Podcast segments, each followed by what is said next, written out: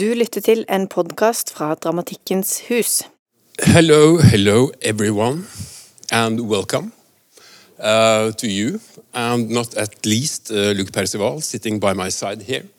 Uh, Luc will introduce himself and uh, continue speaking, so I will not do my my traditional long, long introduction.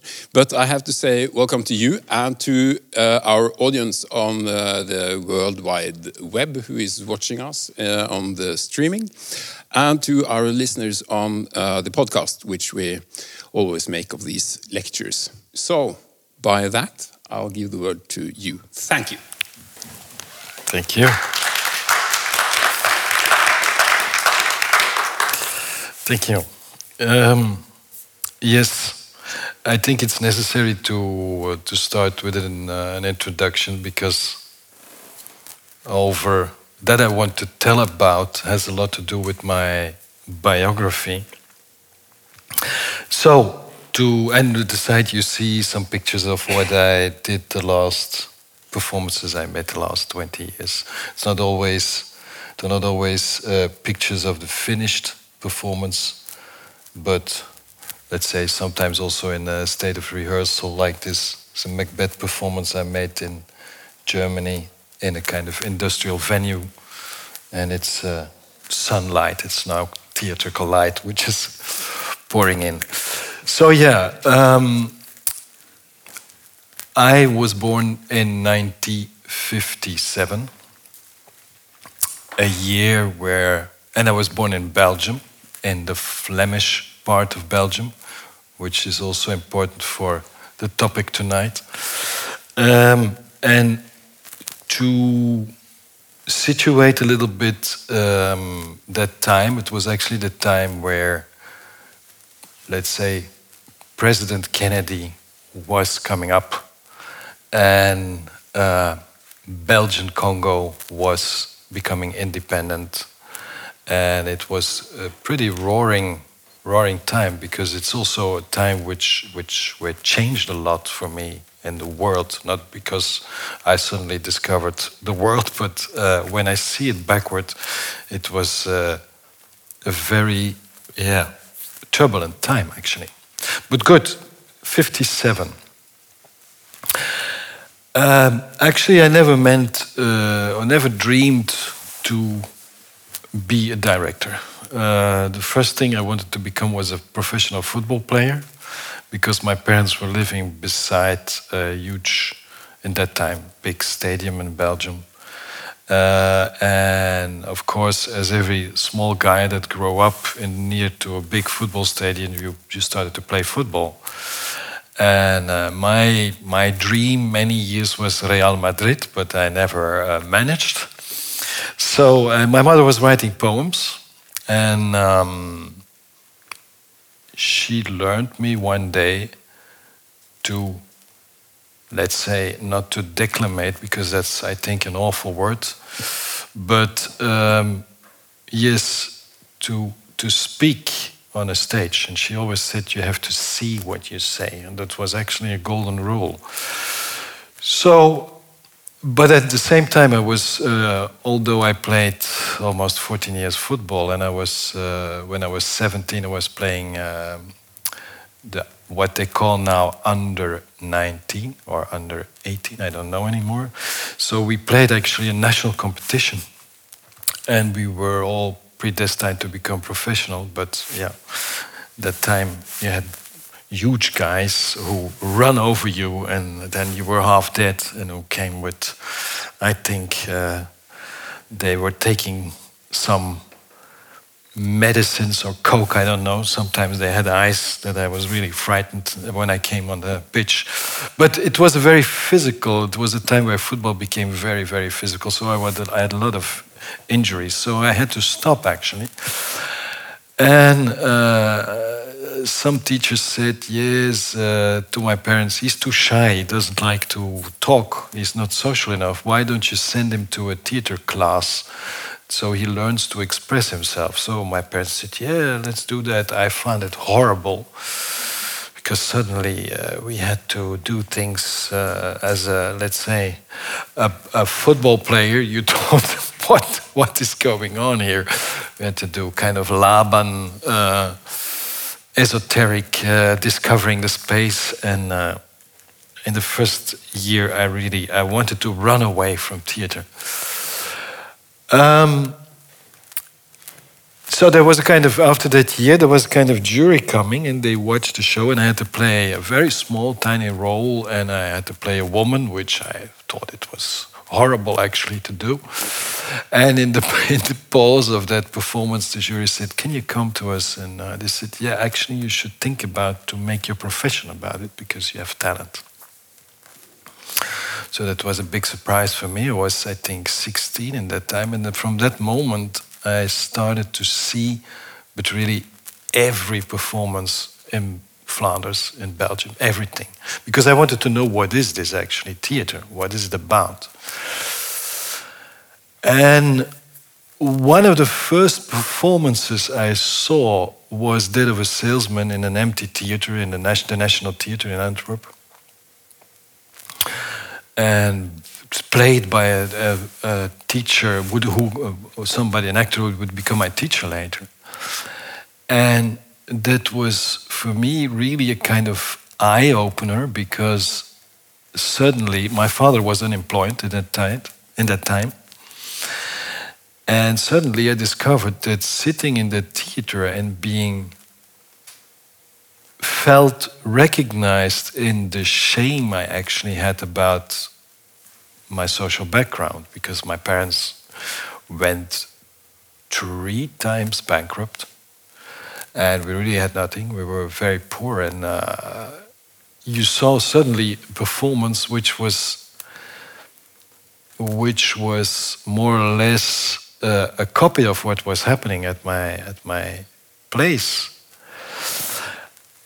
I had a kind of uh, how shall I say, it was an, an, emotional moment in that sense that I felt part of the community, I felt embraced.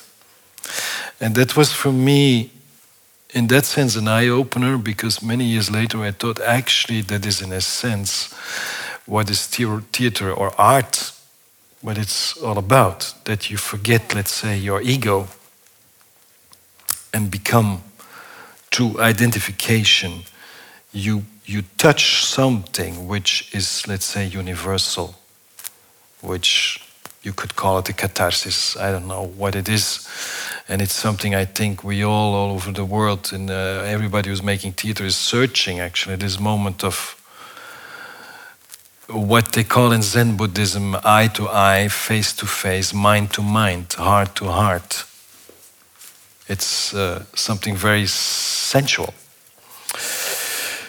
So good. I went to the theater school, and uh, I came uh, after three years as an actor out of theater school, of the theater school, and they gave me a contract at the National Theater, the theater where I discovered this uh, this performance of Death of a Salesman, and I had to. I've been playing there for five years, and after five years, I was sick. Sick because yeah, I was functioning in a kind of system which was with directors who were not watching, and in a tradition which was only copying foreign examples. And now I'm making a bridge to why this was the way it was. Um, when I say that I'm born in Belgium, uh, many people ask then, oh, so you're in a war with the French when you're Flemish. Uh, this is a very simplification about the situation of the country, but we have three languages. We have German, we have French, we have Flemish, and Flanders, which is the part near to the sea, is as big as Berlin, so it's not very big. It has altogether, in the meantime, I think six million inhabitants, and is in the meantime, let's say, the economical uh, heart of the country because of the port, because of, let's say, an industry that is younger than the French one. But when you see the history of the country, then, uh, or when I ask people, uh, what, what do you know about Flanders, then people say, ah, Belgium, fries, chocolate, and um, Tintin, or what is his name? No? Um, and some people say, yeah, there is also Bruegel. I don't know how it's called in English, but we say Bruegel. It's a Middle Age, the painter from the Middle Ages, and uh, was very, very famous because of his figurative paintings. And he has one painting that for me is actually uh, summarizing, let's say, the mentality of Flanders. It's a guy who shows his naked ass through a window. Uh, he, has, he shows a kind of uh, Flemish uh, festivity, and you see people being drunk and vomiting and laying on the ground and making noise. And in some corner of the painting, one guy is showing his ass through the window. And I always say for me, this is Flanders because Flanders has been since many centuries, and uh, I, at least I know since the Middle Ages, a part of a huge construction. It was overruled by the French, it was, uh, let's say, part of Holland, it was a part of the Spanish, it was a part of the Austrian uh, uh regime in, in, uh, in, uh, in Europe. And from the moment, let's say, Protestantism came up, uh, Spanish troops uh, led by Alva came to clean, actually, this clean away this this revolutionary spirit that was there, and they were they had to stop and stand in Antwerp, and there's actually the border between North and South, because the North became Calvinistic Protestant, the South stayed Catholic. So that's for the, to begin with. When everybody says when you speak Dutch, then you you have the same language as the Dutch people in the north uh, in Holland. That is not really true because this cut has been very brutal. They have been chopping heads off, and to show that's what we are doing with, let's say, in the 17th century with the people who chose to be Protestant. Um, and so that led all these centuries to a culture of, I would say, nothing is allowed, at the same time, under the table, a lot is allowed. So it's a country which has a very flourishing, let's say, corruption. Huh? Antwerp is one of the main ports, one of the biggest ports in, in, in the world. But when you hear what is passing in Antwerp, it's all weapons and drugs weapons from America pass through Antwerp at night. They go through Belgium, and then they were they are distributed somewhere. And uh, it's the part that uh, also cocaine is an enormous import thing, which is distributed by Antwerp, uh, and uh, ecstasy from Poland is distributed by Antwerp. So it's a part which which has an enormous, let's say, dark and hidden side, and that's also Belgium. Um, so, this being part of always a bigger construction, um, always being overruled, that led to, let's say, the war with uh, the wars of Napoleon. He said, "Okay, I need Belgian soldiers. I take the Flemish because the, in that time there were farmers." It was uh, an agriculture uh, economy in that time. Uh, they it were boys who couldn't read and write, so they were easy to, to convince. Uh, you could give money not to serve under Napoleon, and they didn't have the money. So, always Flemish soldiers have been serving at the front, and that led to, in the First World War, to dramatic losses. So, it was actually only the Flemish soldiers who were shooting at the German during the First World War.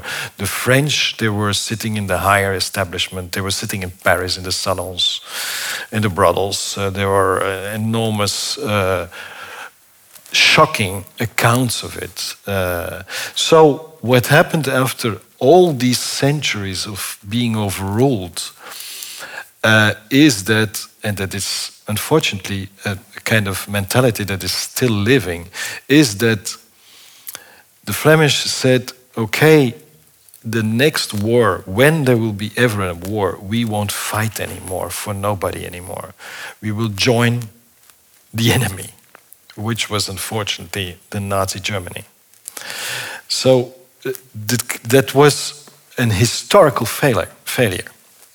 So a lot of, uh, and it was of course also a very conscious tactic of uh, the Nazi Germany to say, okay, we're gonna try to take with us all the minorities who are Germanistic uh, in Europe, and we're going to convince them to join us. So a lot of young, very young uh, Flemish guys. I'm going to make a plan, making now a trilogy about Belgium. The first part was about Congo. The next part is about this aspect. Saw in Germany uh, at last a salvation of this underdog position, this position of always being, let's say, abused, always being it kind of, you know, this constant victim role. And this role, I'm talking about it because we also had elections last weekend, and uh, extreme right nationalist party Vlaams Belang has won enormously, which is a little bit frightening because they are like everywhere uh, nationalists to say uh, we first and the rest can wait. And that's still actually why they celebrate this victim role because they're still saying, yeah, we pay, we are now the win, the economical uh, win uh, uh, uh, part of Belgium, and French are living from us, and we are paying taxes, and so on and so on. So it's it's, it's a very exclusive uh, uh, philosophy they sell, and unfortunately, it, it is so deep rooted in this Flemish identity that they have won enormously with the last votings, and it's, to my opinion, frightening because, uh, yeah, they have kind of, uh, like everywhere, nationalist program, which is, uh, yeah, frightening. Good. So, what happened? The Second World War, you get this collaboration, and the Germans said, okay, to promote the Flemish language, we're going to start a Flemish university in Ghent. We're going to we're going to give money and we're going to start a Flemish theater. So we actually have Flemish theaters since the interbellum between the two world wars. That means we have no tradition. And that's my topic for tonight the advantage of having no tradition. Um, because I think it is in the theater actually an advantage. Why is it an advantage? Uh, so, first of all, just to say, we had until then just a few authors who were writing in Flemish, but most of them were writing in French because it was the only way to get recognition and to to become to be taken seriously actually so the first that started to write was uh, Conscience it was at the end of the 19th century um, so that means we have no Schiller, we have no Goethe, we have no Shakespeare, we have no Ibsen, we have no. Uh, so we don't have these holy houses. And when I started in the 80s as an actor, then all the directors I was working with, they went to Paris, they went to London, they went to Berlin, and they had seen enormous shows and they just copied them. So can you imagine? I played uh, Schweizerkäse in Mother Courage, and I had a director who had really went to in the photo book of uh, Bertolt Brecht beside him, and he said, "Yeah, uh, you know, he Schweizerkäse here. He's standing left from from the car. Could you please stand? Has one meter more to do. Yeah, okay, that's the position." And then he showed me on the picture. So that was the way the theater I landed in. It was a pure copyist theater. So they said, Oh, we saw a wonderful comedy in Paris. We're going to do that next year. and uh, we saw fantastic Shakespeare in London. We're gonna copy that next year. So we just had a repertory of what they played, but then in an let's say a bad copy in London and Berlin and Paris. So, and I came from a theater school where actually I learned to to seek for let's say, the central aspect in the theater, the central aspect, to my opinion, is the aspect of the human being meeting another human being. That's unique about theater. There's no, it's, it's not materialized in stone, in uh, painting, in uh, letters on a paper. No, it's a human being on the stage who is, in her or his way, communicating, but not only intellectual. So this this sensuality of being human on the stage that was taught me very much in a theater school. And then I landed up in a machine of the National Theatre where they just said, uh, stand there and uh, then take three uh, uh, passes to the left and say your phrase, turn around, go to the back. So the only thing I was doing was uh, revolting. I hated this theater. That time I read Peter Brook. I saw who was excessively, excessively talking about dead theater, and everything he described, I was, I was experiencing every day. So I was at that moment really shocked. I said, "But this is dead theater. What we are doing, actually."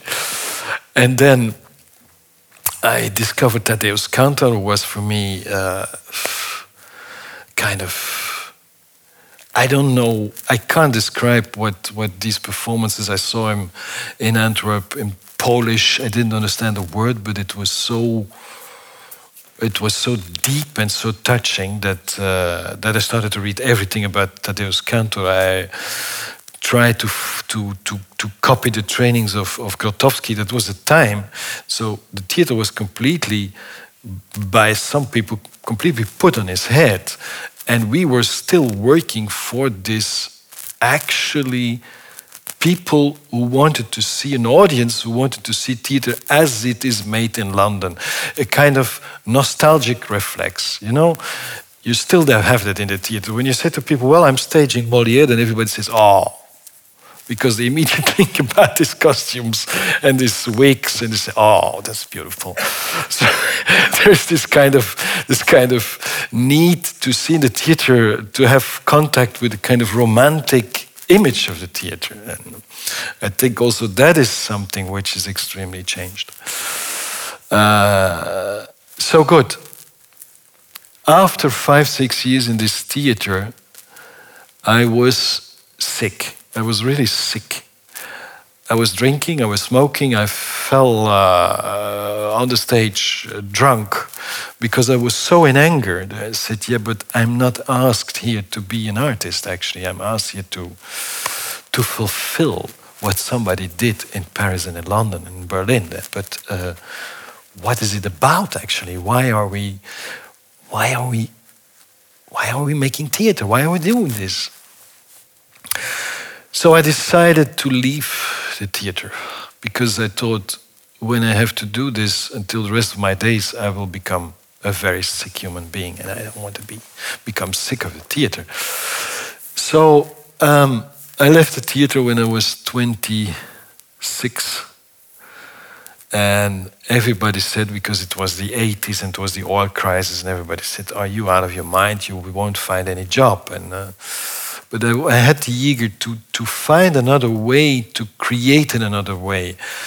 And as I was self an actor, I had such a, a dream of how to create a working process, a way of rehearsing that is that is an interaction that that somebody is on the stage who is inspiring and a director who is who's reflecting on it and is inspiring. That it's a dialogue and not, let's say, yeah, somebody who's afraid to have no answer. Fear, an enormous topic in the theater, but good. Um, so I quit, and I started with a few guys uh, to say, okay, when we when we want to be personal, when we want to be human on the stage, we should start with the actor, and the actor must find his own voice, his own center. So we actually completely cut with the idea the author is holy, the author is the goal. Actually, the human being on the stage is the goal, and the author is, is giving us a tool to realize this sensuality between actor and, and, and, and, and audience. So I started to, to, to, to search a way of rehearsing, to, to adapt plays myself and to go with these plays to the actors and continue the adaptation. We started to improvise. We started to actually to break these texts until we found a unicity, something which is only possible at that moment with that human being. And at the same moment, the 90s, there was Jan Fabre who started, who actually was at the National Theatre before I left, was an assistant there. And one day I heard, he was not at the rehearsal, and I asked somebody, where is Jan Fabre? And they said, uh, yeah, he sold all his records and he went to America to Bob Wilson. And after two years, he came back and he made his own crazy shows of at least eight hours and four hours, and which were actually performances uh, for a bigger audience. And uh, and there was Alain Platel who started to work with non-dancers, and there was uh, Ivo van Hove who started actually also to to rent places at the harbor and and made very physical theater. And suddenly there was this this we got the title the Flemish Wave.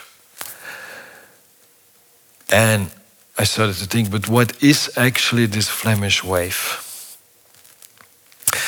And because we were all making very, very different theater, actually. Jan was making a mixture of performance, dance. Uh, Alain was extremely busy with the, the unicity of, of, of normal bodies on the stage, not dancers. Uh, I was trying to, to make a kind of new dramaturgy, which was developed during the rehearsals. So we all had a very specific own style. Uh, and what was lucky for that time, because we were so apart from this huge institute, National Theatre, that we had immediately a huge audience. We had an enormous, uh, which is one of the lucky things in my life. So, to go now to this tradition without tradition, we had the luck once I was invited with an Othello I made in Germany to perform that performance at uh, uh, Royal Shakespeare Company in Stratford. And after the performance, we had a discussion with the audience. And yeah, many of those people said, Yeah, you Germans, you're actually lucky that Shakespeare is not a German guy. Said, Because you can translate the text, you can free yourself from the burden of expectations, of the way it should be declaimed, the way it should be represented, because we had adapted the text with a Turkish author, and, and that was already a politicum in Germany. But that's actually what I brought from the Flemish tradition to Germany, in that sense that to give you, for me, the, the best example is we rehearsed one day, many years later, Uncle Vanya. And Uncle Vanya is a play which is translated classically by Dutch Slavistic specialists. So that means it's translated in a kind of language when you, you want to translate, when you want to compare Flemish to Dutch, you can compare Irish to English. It's the same language, but it has another sound. It has another, it has other um, echoes. It has another, um, yeah, another echo actually. And so I started to rehearse with the actors, and, and I always uh, asked them to learn the text before we go on the floor. And uh, they started with these texts, and actually, one of the first things we discovered is Uncle Vanya is a play that plays on the countryside. And they were all talking in a way nobody in Flanders would talk on the countryside. Nobody. So that was one of these Flemish wave ideals to how can we show the people on the stage aspects of their life and not something in Paris. And I said after a few days of rehearsing, guys, uh, I'm very sorry, but these texts, I don't believe a phrase of what you're saying. It's so artificial. It is so you were saying phrases my grandmother or my uncle who's living on the countryside would never say. You know? So I asked the actors to talk, to speak in the, the language they would speak with their mother. And that is in Flanders because we have no, and I think there we, we are very similar maybe to Norway because we have not a language which, which is a standard language like the Oxford English or the Bühne Deutsch or the, the Français du, du Académie Française, but we have every 20 kilometers we have a different dialect. So it's it's a country full of colors, and it's even so extreme that when I, in this small country, travel to the seaside, I don't understand the people. I really, I really must listen very good to, to know what they're talking about. So there is an enormous differentiation in, in language and dialects. And when you play translations from a Dutch author, that doesn't match what is living. So I asked them, okay, speak in the, the, the language of your, the, the, the, dialect you would speak, the, the, the sound you would have when you talk with your mother, with your best friend. And suddenly, and that was an amazing discovery, all these actors had, from one moment to another, a biography. Suddenly, you saw, you didn't know, you, you, you did not only hear a kind of specific dialect, but you saw where they were coming from. You saw the relationship they had. You saw their position. You, it, it had so much more echo that, yeah, we were saying afterwards, why don't we always play in dialect actually? Because it, it, it, it has more juice, it is more rooted in our identity. And that is, I think, what happened with this Flemish wave. Uh, as I said, Alain started to, to create dances with non dancers, with people he took from the street with guys he saw in the railway station doing a, a fantastic breakdance. Uh, uh, Anne Teresa de Keersmaeker started to, to, to, to, to make her own language of classical dance. Uh, every one of us was actually very actively searching for how can we contact to the audience? How can we create a language which is, which is sensual, which is something you smell, you feel, you. So then I came in Germany uh, after.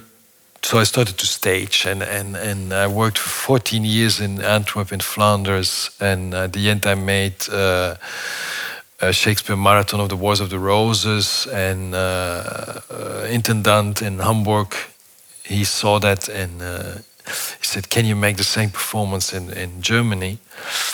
And since then, uh, since '99, actually, I've been working for 20 years in Germany.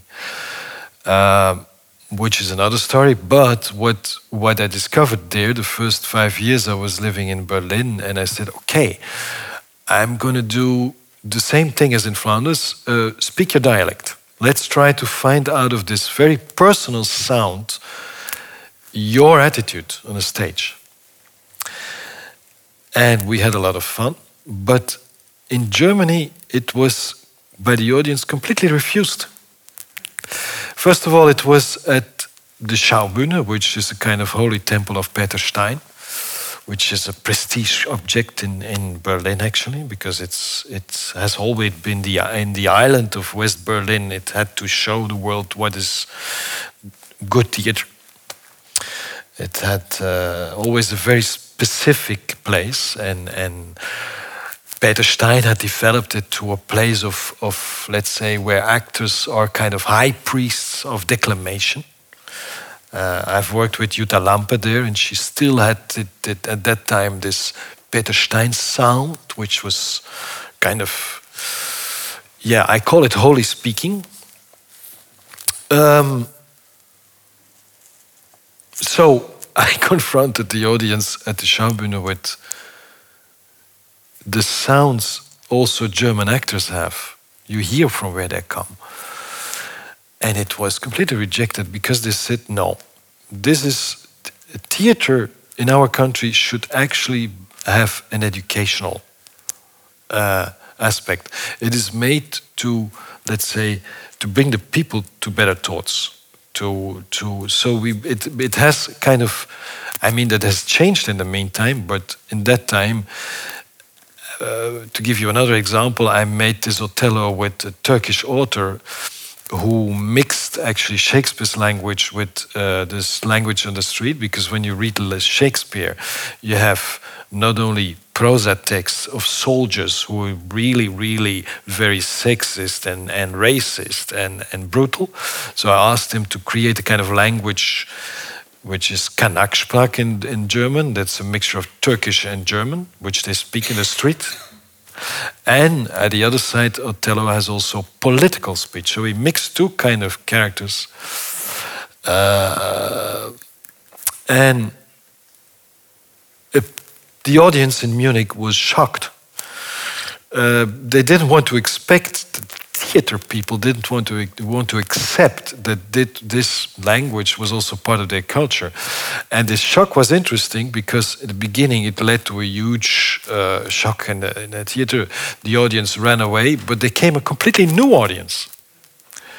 And that was fascinating. That actually the people who were coming, that they they rejuvenated actually the, the, the theater. That was a very interesting thing.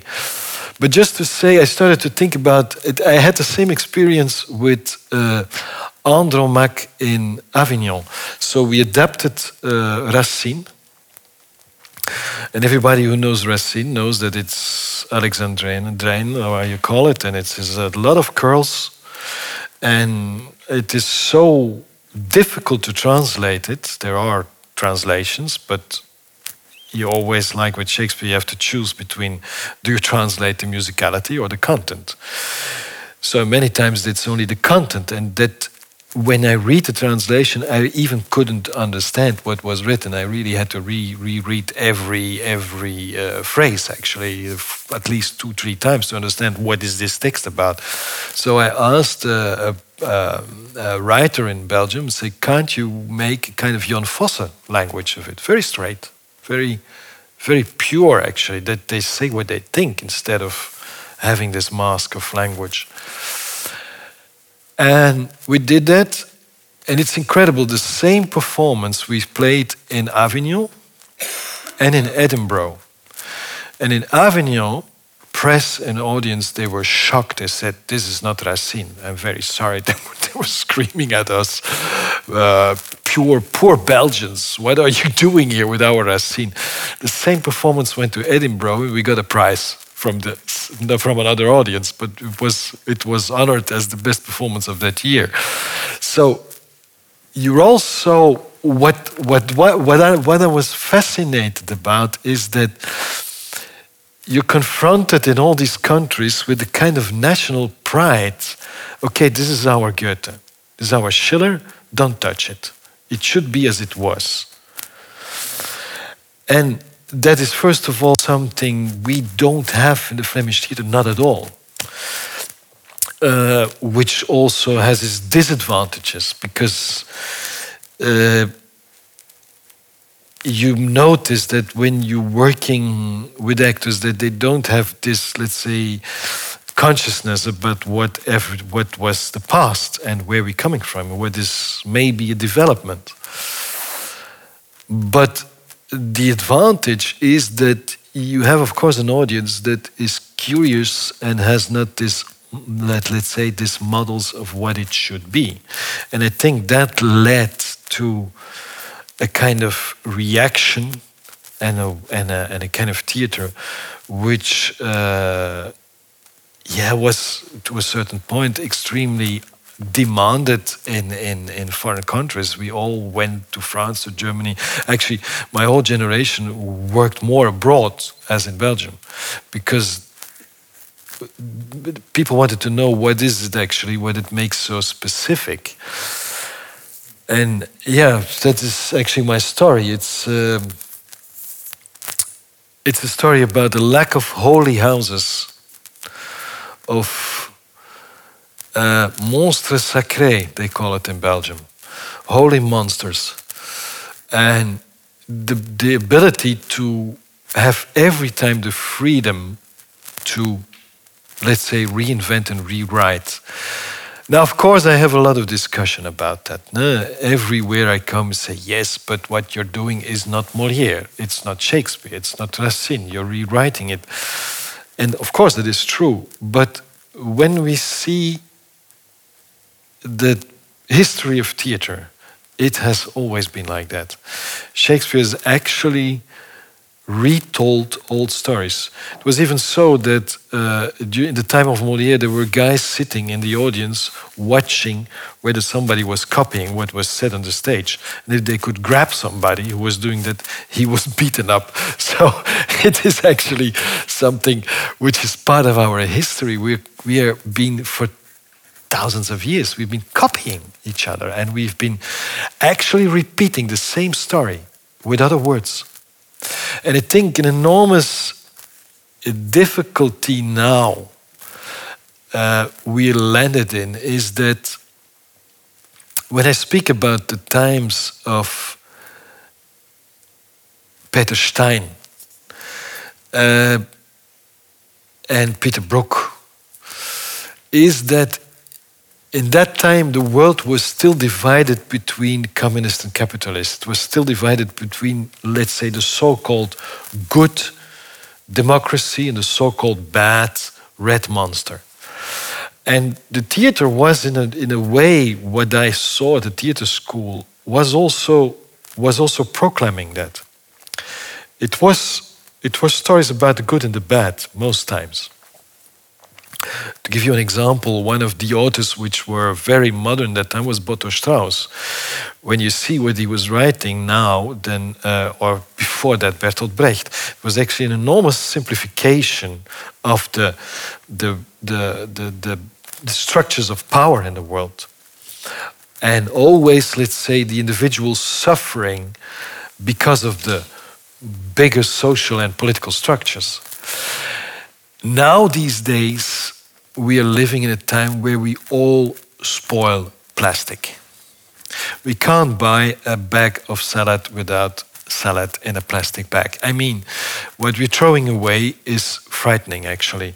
What we're finding in the ocean is frightening, and we are all producing this. So we are now obliged to see each other in the eyes on the stage and in the audience and say, we are to blame, actually. We are part of the shit. So that makes it much more uncomfortable and for the audience and for ourselves. So that is for me an enormous shift that has taken place when I compare, let's say, the 80s to today. Yeah, I uh, would like to open actually the discussion and uh, ask if you have questions. Then we could make.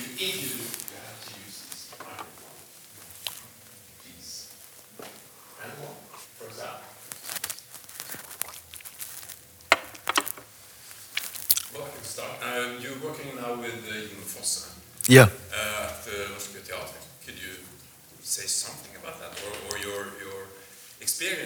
Yeah. First of all, I'm an enormous uh, Fosse fan. Um, which doesn't mean that I've constantly staged Fosse. And it's the second time I staged Fosse. The first time uh, I did it in uh, 2001, uh, Traum im Herbst in Munich, uh, Dream in Autumn or something. I don't know the right uh, um, Norwegian title. Um, and what is for me so fascinating about Fosse is that he is the author of the unspoken, of that what is not said. Uh, that's an enormous talent because uh, that's for me one of the difficulties in in let's say working every day in the theater.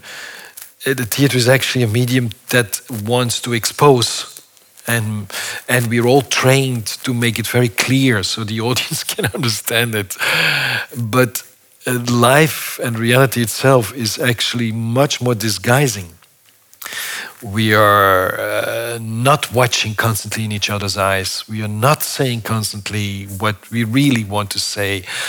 And this this search for this kind of dramaturgy I found with Jon Fosse. That's that's uh, that's very and in a way we have the same age and i, I always have the feeling that's uh, that's something special because we have the same we are from the same generation and i feel he's he's thematizing topics which are also in a way uh, very private but also political and that's something uh, for me that becomes more and more a quality because we're living in a world which is profiling constantly through the media and profiling with very simplistic uh, uh, quotes. And I love it that he's still searching for, on a very individual level, for a logic of the, let's say, irrationality of life he's that's something I, I love about Fosse. He's not explaining it. He's just showing life and and now certainly in the project we're doing now, this trilogy, as a repetitive uh, pattern we can't hardly we can hardly influence. So yeah, that's uh, and I'm, I'm I'm very happy to uh, to be able now to do it in his Nynorsk in, his, in the language he's writing in, of, although I don't understand it. But it, uh, what I can imagine referring to, let's say, the Flemish tradition, what kind of um, uh, um, echo it has here, what kind of uh, yeah, what kind of position it has, because we also have in our language, because of all these dialects, we have authors who have created an uh, an own language. So I can I can suspect uh, the the poetry it has, the, that it's not just a dialect, that it's also kind of yeah, it's it's uh, you know. The, for me, language is is uh, more than just a mean of communication. It's it's the it, it it's uh, what I like, for example, Fosse is that he creates in his repetition also colors and and inner landscapes, and that is wonderful to discover with the actors what kind of inner landscape, what if, what kind of emotion these people make them make them make phrases stuttering, uh, uh, uh, don't find the right words, make them repetitive. Actually, what is it? What kind of energy is it that is behind that? And uh, yeah, and still yeah, I'm I'm I'm working with the actors also to search what what phrases are too much or ballast. What what don't we need? What is what is something we should change or cut away? Or so it's it's not for me that now Jon Fosse and every phrase is holy. We start with an adaptation, and during the the work, the adaptation is developing. Uh, sometimes you see their pictures, not this one, but uh, from uh, a trilogy I made three years before with Zola texts. And I worked three years on it with the actors, and we've been constantly, they brought texts and we were cutting and, and exchanging. And, and we actually, the dramaturgy was developed during the rehearsal.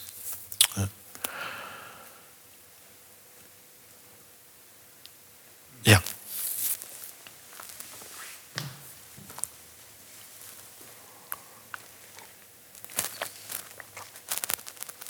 Questions? No?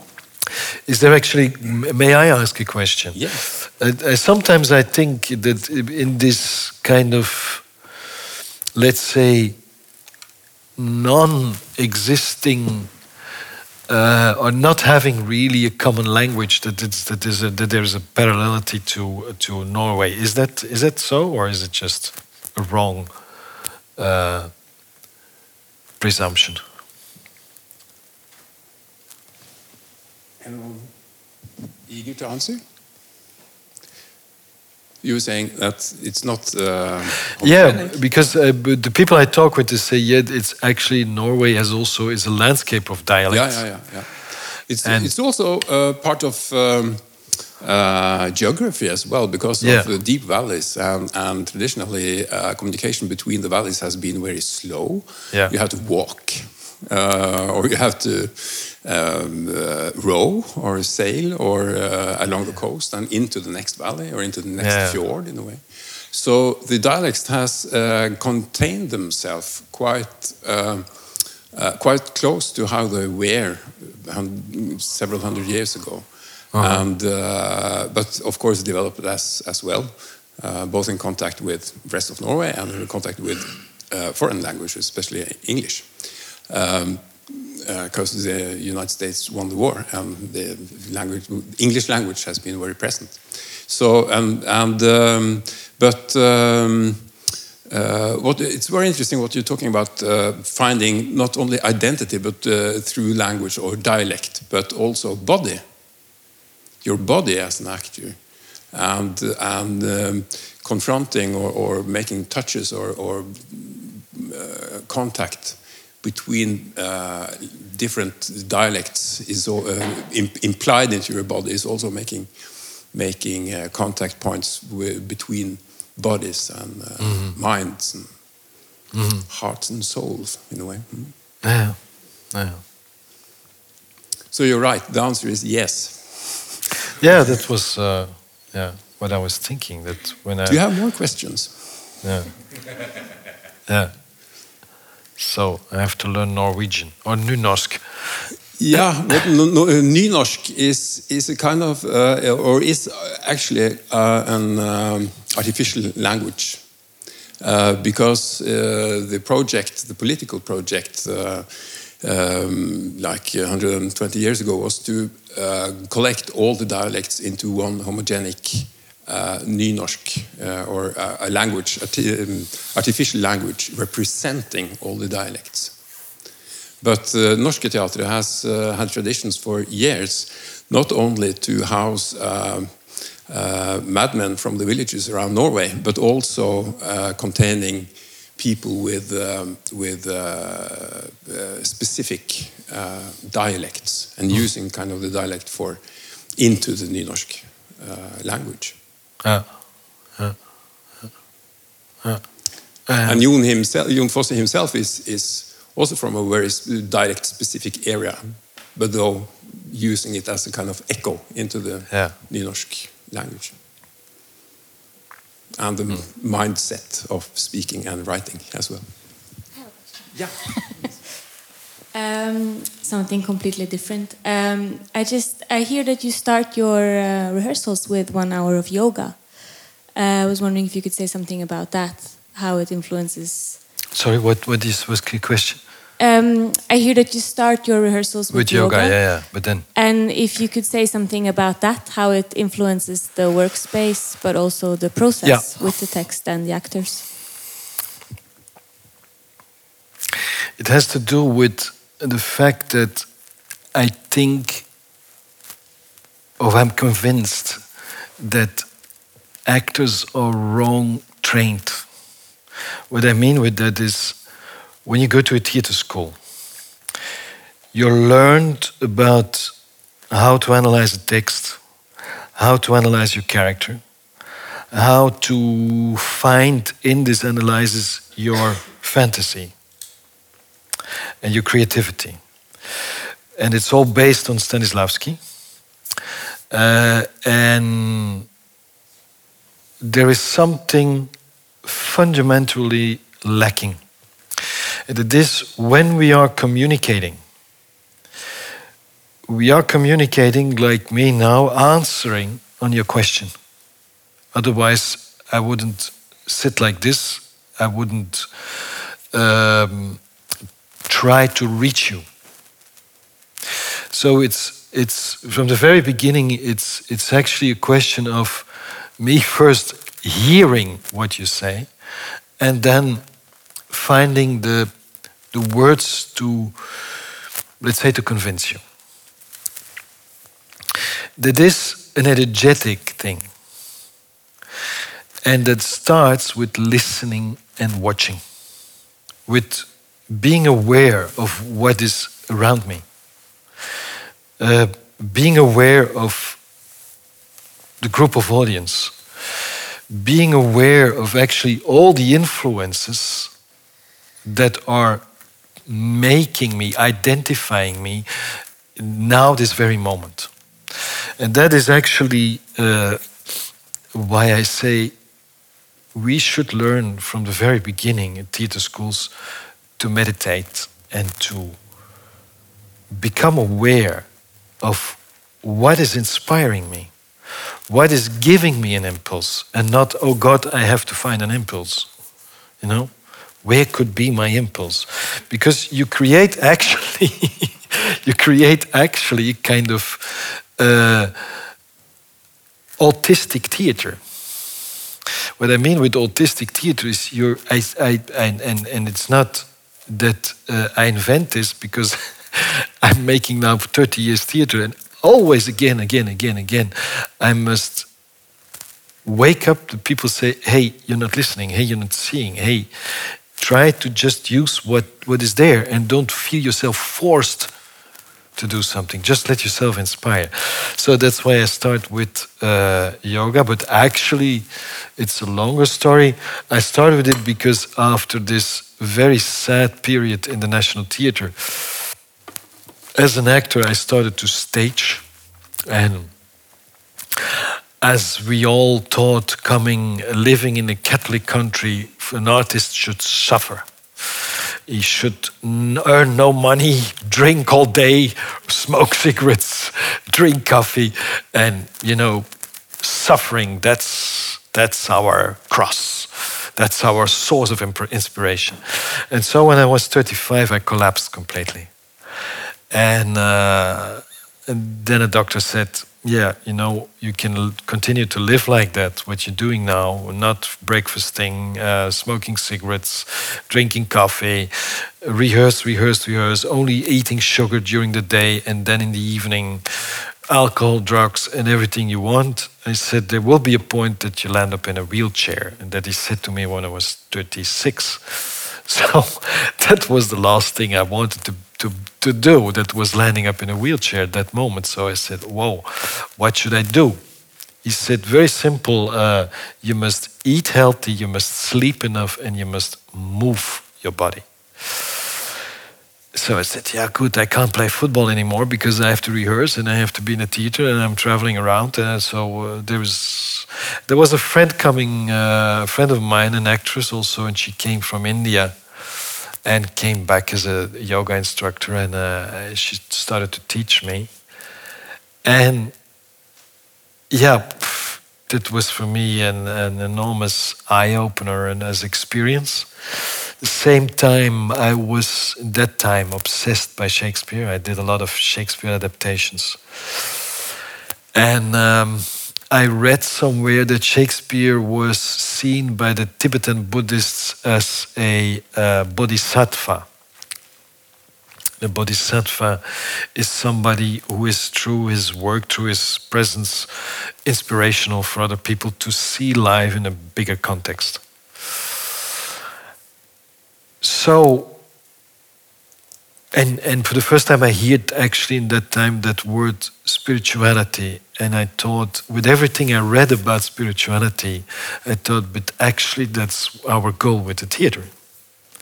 Because from the moment we are able to create this moment of catharsis, of sharing this emotion,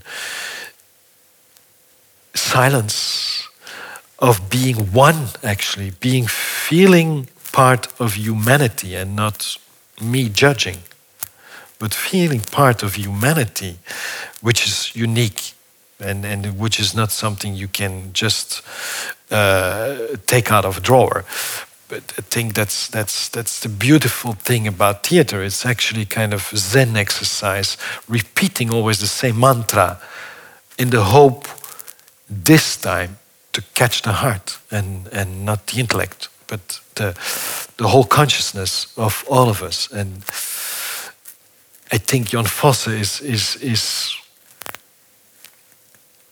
is one of the people who is able to do that because he's in a way going very deep back into his genes, actually, into his past and into his into his own patterns and into his own madness, when you can call it like that. Um, so I got enormously fascinated by this word spirituality that I uh, started to to practice Buddhism. I went to Zen monasteries all over the world. I started to become a yoga teacher myself. And uh, I've seen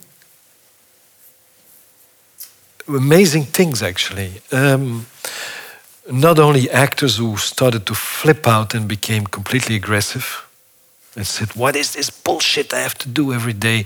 So I, I, it's free. Nobody is obliged to do it. I also do it for the neighbors and for technicians. And so everybody who wants to come in that hour, he comes to, to the yoga. Um, in Germany, there were actually more neighbors coming as actors because actors like to sleep. so they think most of the time, oh, it's one hour longer in my bed. So, but I did also a production in uh, Rainer is here. He was part of it with eight, no, with six actors and six singers. An opera, new music, uh, which was not uh, simple, but even, and that was amazing, even the conductor came to the yoga class every morning. A yoga session, it's not a class.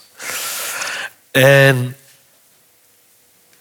that was so amazing what happened there because it really opened actors to see to singers how what kind of logic they had and how they could interact with it and vice versa. So also the singers were asking the actors but how you do this? And, and there was a very vivid exchange. And what i was amazed and at the same time proud of was that at the end you saw on the stage, and that's something very difficult in the opera, no difference anymore between actors and singers. And that's most of the time impossible, you know, because the singer is trained in a way and an actor is trained in a way, and they are, let's say, yeah, that are two worlds. And that was amazing that this yoga made these people in a way much more open, much more vulnerable. Because many people, you know, when you say, ah, I start a day with yoga, and many times you get a kind of macho remark. ah, okay, haha, yoga. Okay, esoteric bullshit.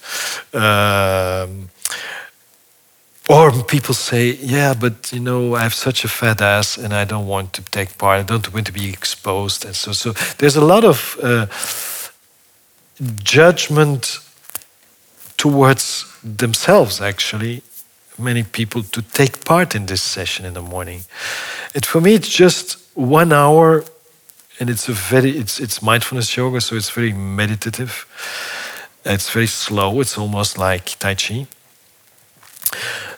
It's a way of, of waking up, of taking a shower, of actually what is, to my opinion, completely lacking in our society is taking the time to ask yourself, where am I? Because we're, most of the time we're hurrying, hurrying, hurrying, hurrying, and we have to do things and we have to solve uh, more things than we can solve, and so on and so on.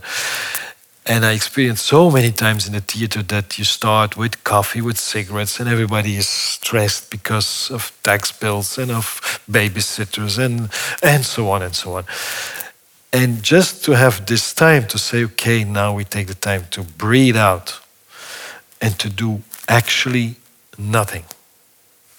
Just to be with yourself, with the limits of your body, maybe the limits of your emotion, maybe the limits of your energy, and just to find there a kind of not pushing stress, but an ease in it, so you can start to listen and you can start to see what is happening around you. Because that's only possible from the moment you're not stressing yourself and you're not in a kind of defense attitude. That, in a nutshell, why?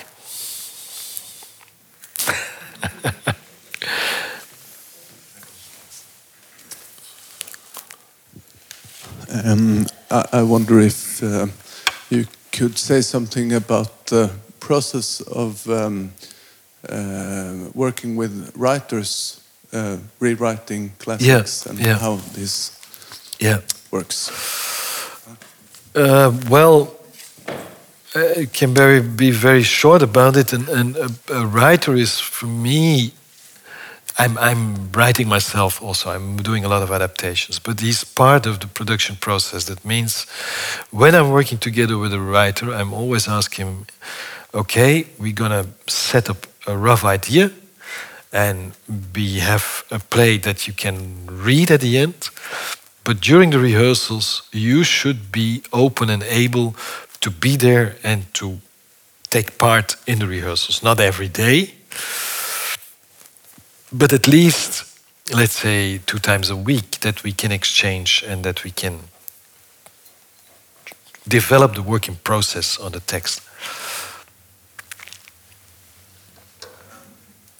Uh, how can can uh, such an idea with a um, concept for uh, rewriting a play sound like? If you understand my question. Uh, it's difficult because the, the speakers are hanging there, but. Oh, yeah. Uh, how can. hello.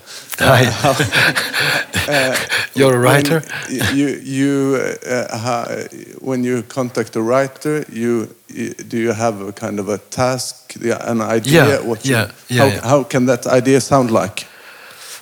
Well, for example, what I told about Othello, uh, it is amazing, for example, Shakespeare, when there's a discussion about what is Shakespeare, this discussion could also be who was Shakespeare, because when you read this, his text, it's a kind of amalgam of styles.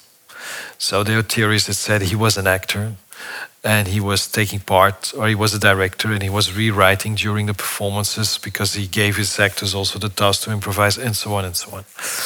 So when you have this, this let's say, this landscape of text, I always try to imagine why is it so diverse. Um, Othello is one of the most racist plays of his times. Uh, he used the word, the word Moor, the Moor of Venice. And historic, uh, historians says that the Moor in that time was something like Negro these days, but even more brutal. So he was provoking with the words his audience. He was actually shocking them. Um, and, and the shocking was also a balance act because at the same time he also laughed with this guy who was older, who fell in love with a young girl, and and people around him fooled him. So you have actually you have a world where somebody is alienated, and where there are two kinds of culture: a macho culture on a let's say low social level and a macho culture on a political level. The Dogo Venice, Venice is this all these people they are speaking in a perfect rhyme and jamben and so my first idea was how can we translate this to today? And there was at that moment there was an interview with George Bush he held a press conference about uh, the bombing of, uh, of uh, Baghdad. And he was standing before um, a, uh, a forum of journalists, and he had his press speaker behind him. And he was speaking in his nice words he had learned to say, well, it will be a clean war and no casualties, and so on and so on. And there was one journalist who asked a very critical uh, question. And what he didn't know was that his mic was very sensitive, and his press, he said to his press speaker, Who let this fucking prick in, actually? So he he changed his whole, his whole language to a very basic army language. And that went worldwide. And that was actually the idea to how can we balance between vulgarity and an official and a language that is a mask, actually a lie. And so I came to the, uh, to the idea to, to ask a Turkish German author who was in that moment specialized in this street slang, this Kanaksprak. And I told him about that. that I'm searching for two idioms actually that uh, are showing a kind of macho world, army world, uh, but and so he made he, he, he developed this mixture and um, we made the same with uh, I talked before about the Wars of the Roses, which are nine plays, starting with Richard III, uh, Richard II, and ending with Richard III. And I had no means to make such. A, at the beginning, we were 17 actors, and we rehearsed 15 months without yoga, and that was difficult. Um, so, and I, I was at that time still working with my free company in Flanders and I didn't have actually the money to make a big project like that. And I asked Tom Lanoye, who was the author of the project, can we make a journey into language? Because it's 100 years of war. And he started with a biblical language, very where where actually language is part of a ritual. And uh, yeah, it's almost like as if it's spoken in the church. And it ended with Richard III after 12 hours of theater in the, the language that time Tarantino spoke in his films, which was a, a mixture of American fuck and shit and, and, and Flemish, because that's how the guys now on the street in Flanders talk. You know, they, they, they, my sons at that time, they, they, they were and still are so busy with rap texts that they, in the meantime, think actually Shakespeare was a kind of rap writer for his time. Because when you see his texts were actually written for people who were drinking, who were eating, who were loud, who were commenting the stage. So you had to be loud and rhyming. And uh, it's, it's a kind of rhymes against politics. So that's actually how, how it starts. It's, it's to try to create a sound which is in a way mm, is, is, is something, is not a sound one to one of the street because I don't believe in one to one realism. Uh, it's it's the, what is the stage and art is fascinating because it's a unique something and it, it, it confuses actually. But it yeah, language is for me also a form of sensuality, of, of yeah, as I said, poetry. So I'm searching always for an author who has this kind of lust to play with words, to play with sound, to to to create an own world with with words as music. That's how it starts. And uh, Tom Lanoye, when we worked on on this. Uh, uh, uh, Wars of the Roses, he made for the first play altogether eight attempts from the first act. and every time, and it was a year long, and we worked two years on it uh, before we started to rehearse. And every time I said, ah, it's, it's too local, it's too it didn't have in the beginning this this let's say this dimension that it's a language which could speak the whole world and at the same time only this group of people.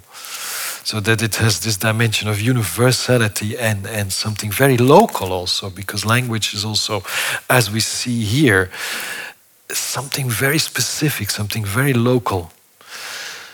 Yeah.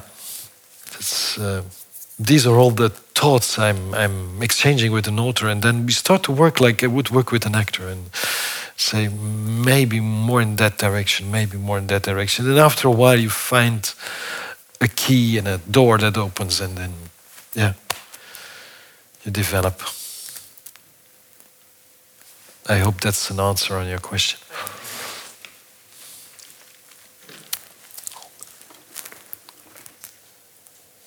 Well, I think that's a very uh, nice ending to this evening.